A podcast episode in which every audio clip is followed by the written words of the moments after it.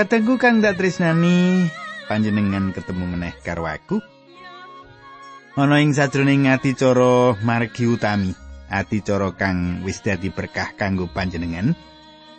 Aku bakal bebarengan karo panjenengan ing sawetara wektu iki kepiye kabare panjenengan kabeh apa panjenengan tansah diberkahi Gusti.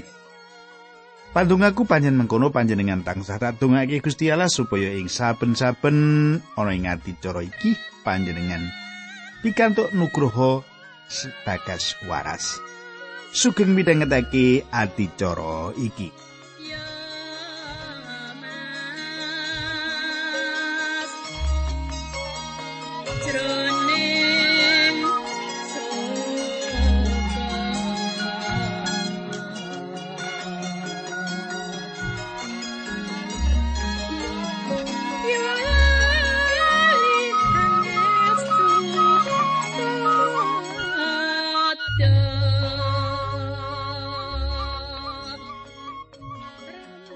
Kadangku ing patemon kita kepungkur kita wis rampung nyemak kepiye Rut nampa sih kawelasane saka buas.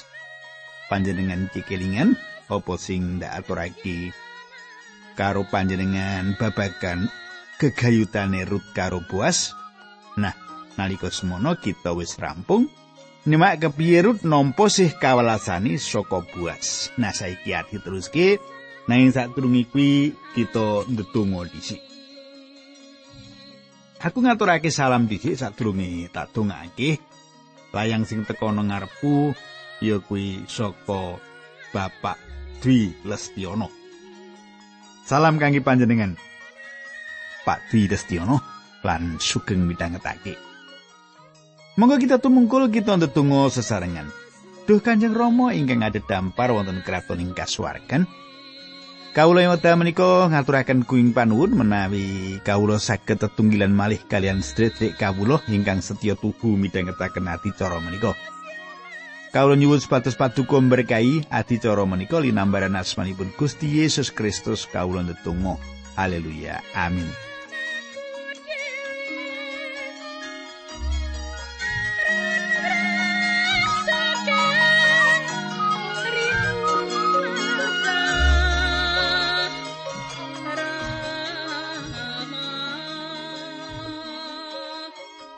Kadangku ing patemon kita ing patemon kita ing pasinaon kita wis tekan ing kitab Rut.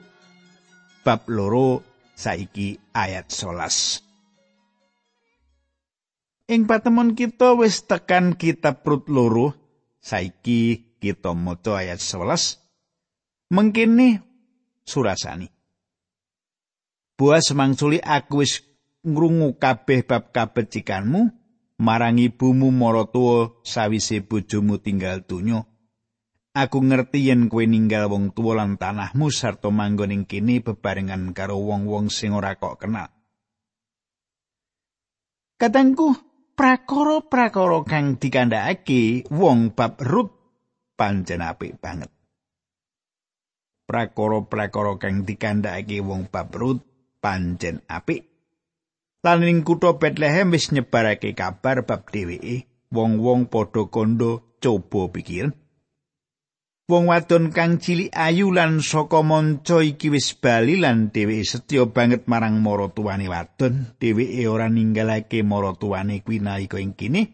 Dheweke ora ngoyak wong lanang menyang endi-endi lan dheweke wong kang duwe kelakuan kang becik. Nalika buas deleng Rut lan nemokake kepribadian kang apik saka Rut iku, mula buas kasmaran marang Rut. Panjenengan semak apa kang dadi tembunge buas kang ngerti sepiro pangorbanan gedhe kang wis ditindakake Rut. Bab loro ayat rolas Rut, muga-muga pangeran malas warang kabecikanmu. Lan sarene kowe wis ngungsi marang pangeran Allah Israel, muga-muga saterusé panjenengane ngayomi marang kowe. Kateng kurut wis kumandel marang Gusti Allah. Iku kang dadi jalaran dheweke ninggalake tanah Moab lan gawe keputusan kang kendel. Rut wis kandha yen Gusti Allah Naomi bakal dadi Gusti Allah. Dheweke wis ninggalake anggone manembah marang Brahala lan manembah marang Gusti Allah kang gesang lan yekti. Rut wis kumandel marang Gusti Allah dheweke wis dadi putrane Allah awit saka iku lelakon iku sawijining paseksi kang ngidapi-dapi anggone dheweke ana ing tanah Israel iki. Lan buas kondo Gusti kirane mbales sapa kang wis kok tindake lan marang kowe kirane diparingi pituas sak wutuhe dening Gusti. Katenggu kang ndak tresnani menawa buas duwe gegayutan karo prakara iki mula dheweke mesti bakal ndeleng yen Rut bakal nampa pituas kang kebak.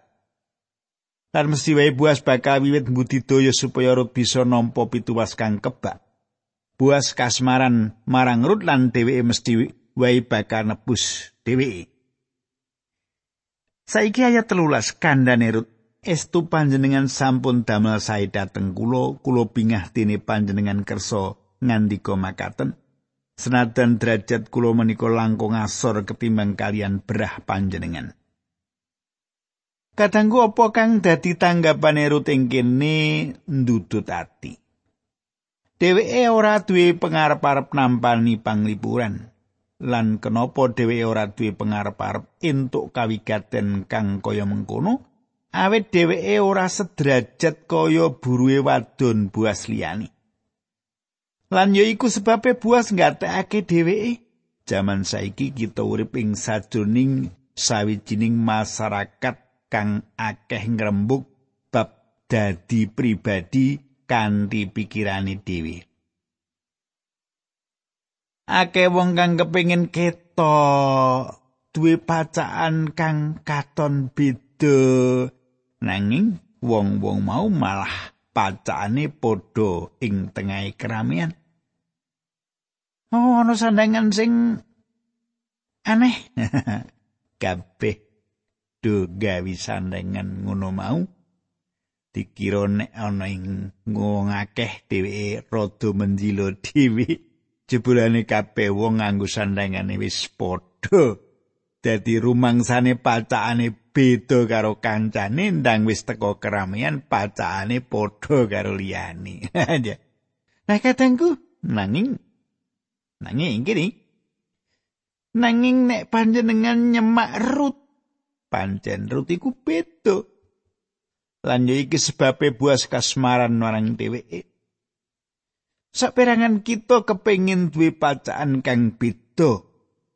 Ora perlu ing sajroning nyandang nanging kita perlu beda ing sadroning perkara-perkara liyane. Menawa panjenengan iku putrane Allah, panjenengan kuwi beda. Ngrembug bab nindakake pikiran panjenengan dhewe putrane Allah kang kudu duwe pikiran kang siji tinimbang karo wong akeh. Putrane Allah kudu duwe patrap kang siji tinimbang wong akeh. Anek dadi putrane Allah patrap uripe padha karo liya-liyane sing liyane madon melu madon mabuk melu mabuk ya wis ya padha wae kristene kristen padha wae nek ngono kuwi ya. Tak beleni menawa panjenengan iku putrane Allah panjenengan kudu duwe watek wantu kang pituk pikirane kudu seje ora padha karo wong-wong jaket. Panjenengan kudu duwe lagak lagu kan selaras karo apa kang dikersake Gusti Allah. Nanging katangku monggo kita nyemak buas lan rut sepisan meneh buas ngundang rut mangan awan. Apa panjenengan bisa mbayangake perkara iku?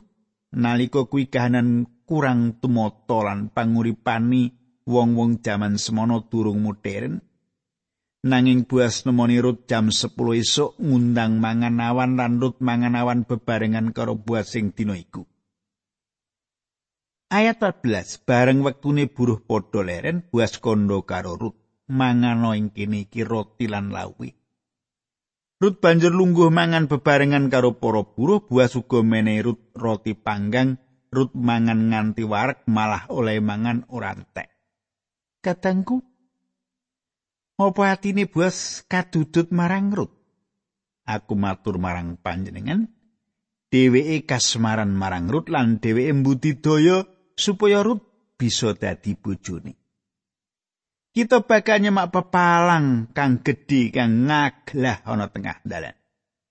Ayat 15. Bareng Rut ngadeg arep ngasak maneh buas banjur perintah marang baturi pangucape. Karben ngasak ana ing sela-selane bentelan-bentelan uga aja kok alang-alangi. Kadangku pakulinane wong mlarat duwe kekarapan supaya tuk jemawut kang isi apik lan panjenengan uga ngerti sing duwe sawah bakal njogo supaya wong-wong sing ngasak kuwi tetep ana ing burine wong-wong kang nyambut gawe. Nanging buas kondo karben ngasak ana ing sela-selane bentelan-bentelan uga aja kok alang-alangi. Buas ngerti apa kang dadi kandhane lan dheweke perintah marang buruwe supaya ora bali lan malah rada ninggalake jemawuti. Ayat 16 pitulas. Malah kang tekeman terkadang yo nusen sawetara runtuhno banjur tinggalen karben dikukupi aja kok kasari. Rot nggone ngasak jemawut ing sawah kono nganti surup jemawute banjur diiles supaya pisah saka gagangne bareng diklumpukake oleh 10 kilogram. Kadangku 10 kilogram iku cukup akeh. Bisa dirego padha karo bayarane wong nyambut gawe sedina hasil kang cukup gedhe kanggo rondo kang ragane cilik.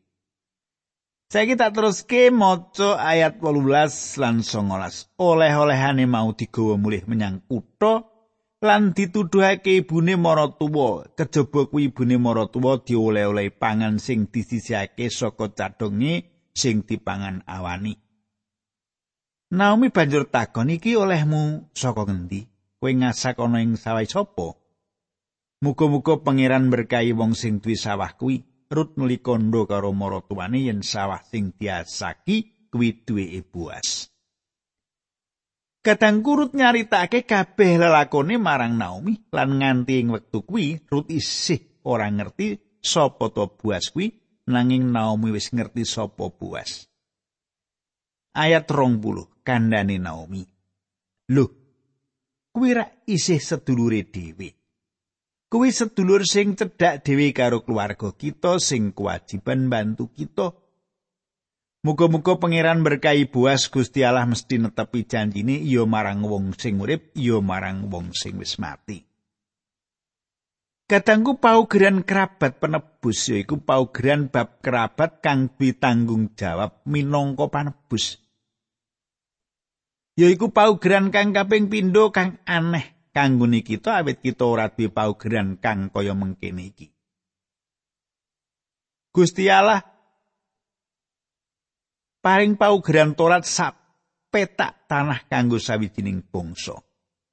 Paugeran Musa sawijining tatanan kang ngedape-dape ing jamane lan kanggo daerah iku. Cetorut wis lunga menyang sawah kang pas awit wong kang jenenge Buas iki kalebu kerabat cerai. Laning sajroning kitab Rut kita nyemak paugeran kerabat penebus dicake kaya uga loro paugeran liya kang wis kita sebutake kang aneh banget kanggone kita. Salah sijine yaiku landesan ing ngendi Gusti Allah ngreksa wong kang melarat. Iki sawijining cara kang ora biasa. Gusti Allah ngidinake wong-wong mlarat supaya lunga menyang sawah-sawah lan kebon anggur, njupui sisa panenan sawise para buruh ngeneni sepisan. Wis mesti wae isih akeh kang keri. Yaiku carane Gusti Allah ngreksa wong-wong mlarat bisa tetep urip kanthi menehi wewengan supaya entuk apa kang dibutuhake kanthi nyambut gawe. Kadangku, Saiki ing sadroning critane Rut kita ketemu karo paugeran bab kerabat panebus. Paugeran iki tau disebutake ing sadroning kitab Kaimaman Selawe kang sakbenere duwe ciri ing sadroning telung perangan kang beda.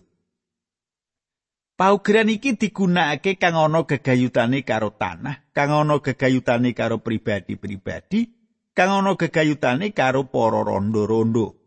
Saiki buas digayutake karo lanange Naomi, yaiku Elimelek. Manut aku, bapake Elimelek lan bapake buas iku kakang adi. Kang ateges Elimelek lan bapake buas misanan. Lan awit saka iku kita uga bisa kandha yen buas iku misanan karo jenate lanange Rut. Dadi Naomi kondo marang Rut yen Boas iku salah siji saka kerabat cerai. Kadangku ana bab kang diutamakake ing tembung Ibrani kerabat penebus apa ta tegese? Monggo kita semak ing paugeran ing sajroning kegayutane karo tanah. Ing kitab Kaimaman selawe ayat 13 nganti 14. Mengkene surasane. Kowe ora kena ngedol lemahmu, sing kena kodol mung wewenangmu. Mergo lemah kuwi dudu duwekmu nanging kagungane Allah. Dene kuwi ibarate kaya wong monco sing oleh wewenang garap lemah mau. Senajan lemah wis didol, sing duwe lemah mau tetep wenang nebus lemah meneh. Kepiye Gusti Allah bakal nindakake perkara iki? Kaimaman selawi at selawi. Yen ana wong Israel sing mergo saka mlarati kepeksa ngedol lemahe, sanak sedulure sing cedhak dhewe wajib nebus lemah mau. Katengku, iki sawijining paugeran kerabat penebus sing sadroning kegayutane karo tanah. Monggo kita semak cak-cakani. Nalika wong-wong iki teka ing tanah iku, Gusti Allah maringake tanah perjanjian. Iku duweke bangsa Israel. Nanging bangsa iku ngenggoni tanah mau mung menawa mbangun turut marang Gusti Allah. Nalika wong Israel ora setya, Gusti Allah nundung wong-wong mau metu saka tanah mau. Gusti Allah ngendika tanah iku kagunganku, nanging aku maringake tanah kuwi minangka dadi duwekmu saklawas-lawase lan langgeng. Gusti Allah maringi hak marang bangsa iku nuntut tanah kuwi lan pancen bangsa kuwi isih anduweni Gusti Allah mapanake bangsa iku ing tanah kuwi selaras karo urutan taler saka bangsa kuwi. Kadangku saben taler duwe jatah tanah ana ing kono. Panjenengan bisa uga duwe gambar peta kang bisa dideleng ing kaca mburi ing kitab suci panjenengan. Panjenengan bisa nyemak dum-duman tanah manut taler-taler Israel. Lan saben keluarga ing saben taler duwe bagian tanahi dewi-dewi. talar kuwi ora tau ninggalake tanah mau. Nanging saupamane talar iki gagal panen sak suwene loro utawa telung taun terus-terusan, wis mesti lelakon mengkini iki dudu sawijining perkara kang gampang.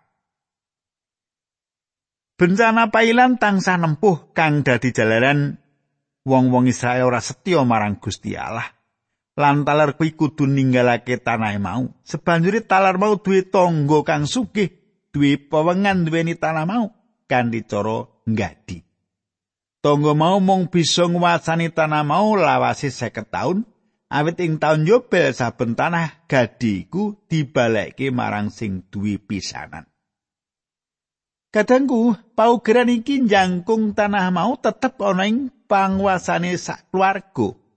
Nanging mongso antaraning taun Yobel tekan taun Yobel liyane sawijining wektu kang suwe.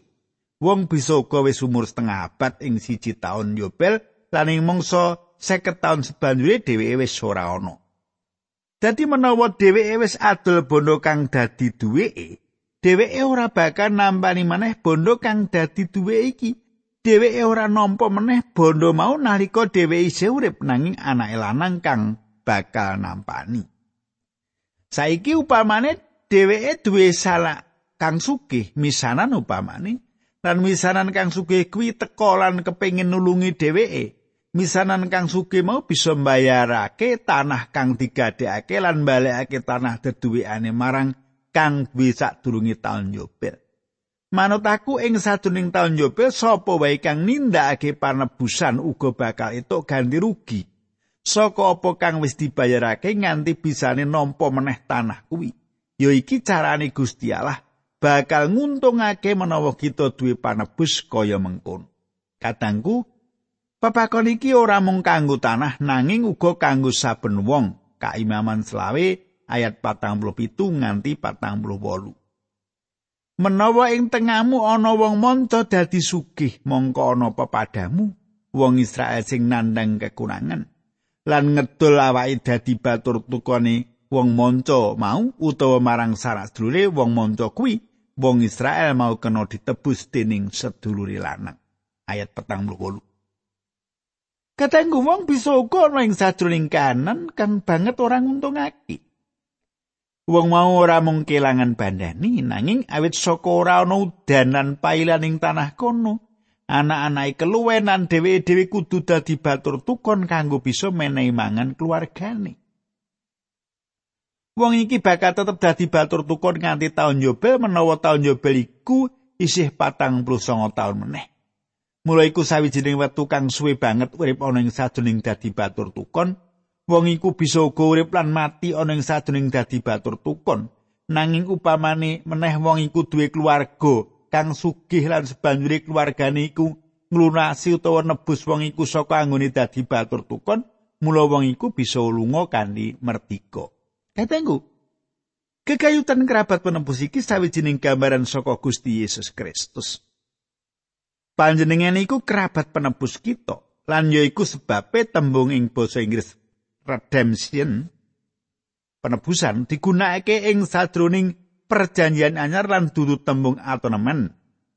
Atonement nutupi dosa-dosa iku wae. Nanging redemption iku ateges mbayar regane kanthi mengkono wong kang ditebus entuk lunga kanthi bebas.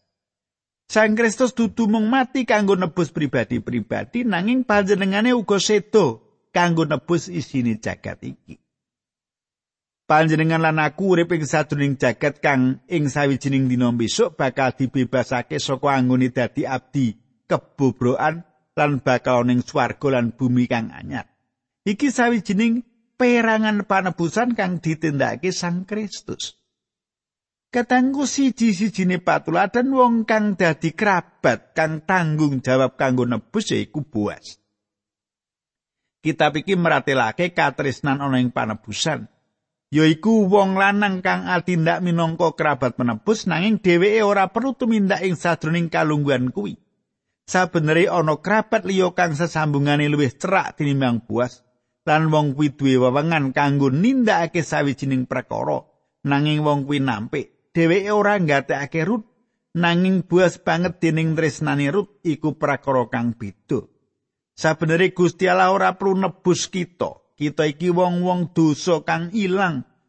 Menawa panjenengane ora nebus kita, panjenengane isih tetep bisa dadi Gusti Allah kang adil lan suci. Nanging panjenengane tresnani kita, panjenengan semak keselamatan lumantar panebusan sawijining crita katresnan. lan saiki marang kita diceritakake ing kene ing sadroning basa sederhana kang diumpamake dening Rut saka Moab lan buah sing tanah Israel. Ayat selikur nganti trulikur Rut pasal loro mengkene surasani. Tembung Rut marang ibune bu tiang menika jelas bilih kula kedang ngasak sesarengan kalian berah-berahipun ngantos paninanipun rampung wangsulane nami yo kenonggir Panjen luwih becik kowe nyambut gawe bebarengan karo para buri wadon ning sawahe buas.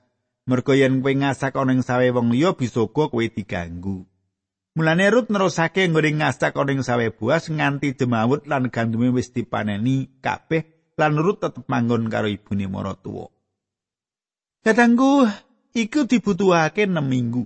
Naomi ngerti apa kang perlu ditindakake Rut. Awis sakbenere Rut ana ing sajroning kalungguhan kang banget ora ana bandingane. buas nresnani lan dheweke kepengin nebus. Katanggu tekan semene dhisik anggonku ngaturake lan bakal diterusake dina candhai. Menawa panjenengan kepengin nglayangi aku nanging sadurunge kuwi ayo ndedonga dhisik. Duh Kanjeng Rama ing swarga kawula ngaturaken kenging panuwun menawi wekdal menika kawula sampun ngandharaken bab cariyos sing kitab Rut ingkang sae sanget menika ingkang saged dados patuladan kawula.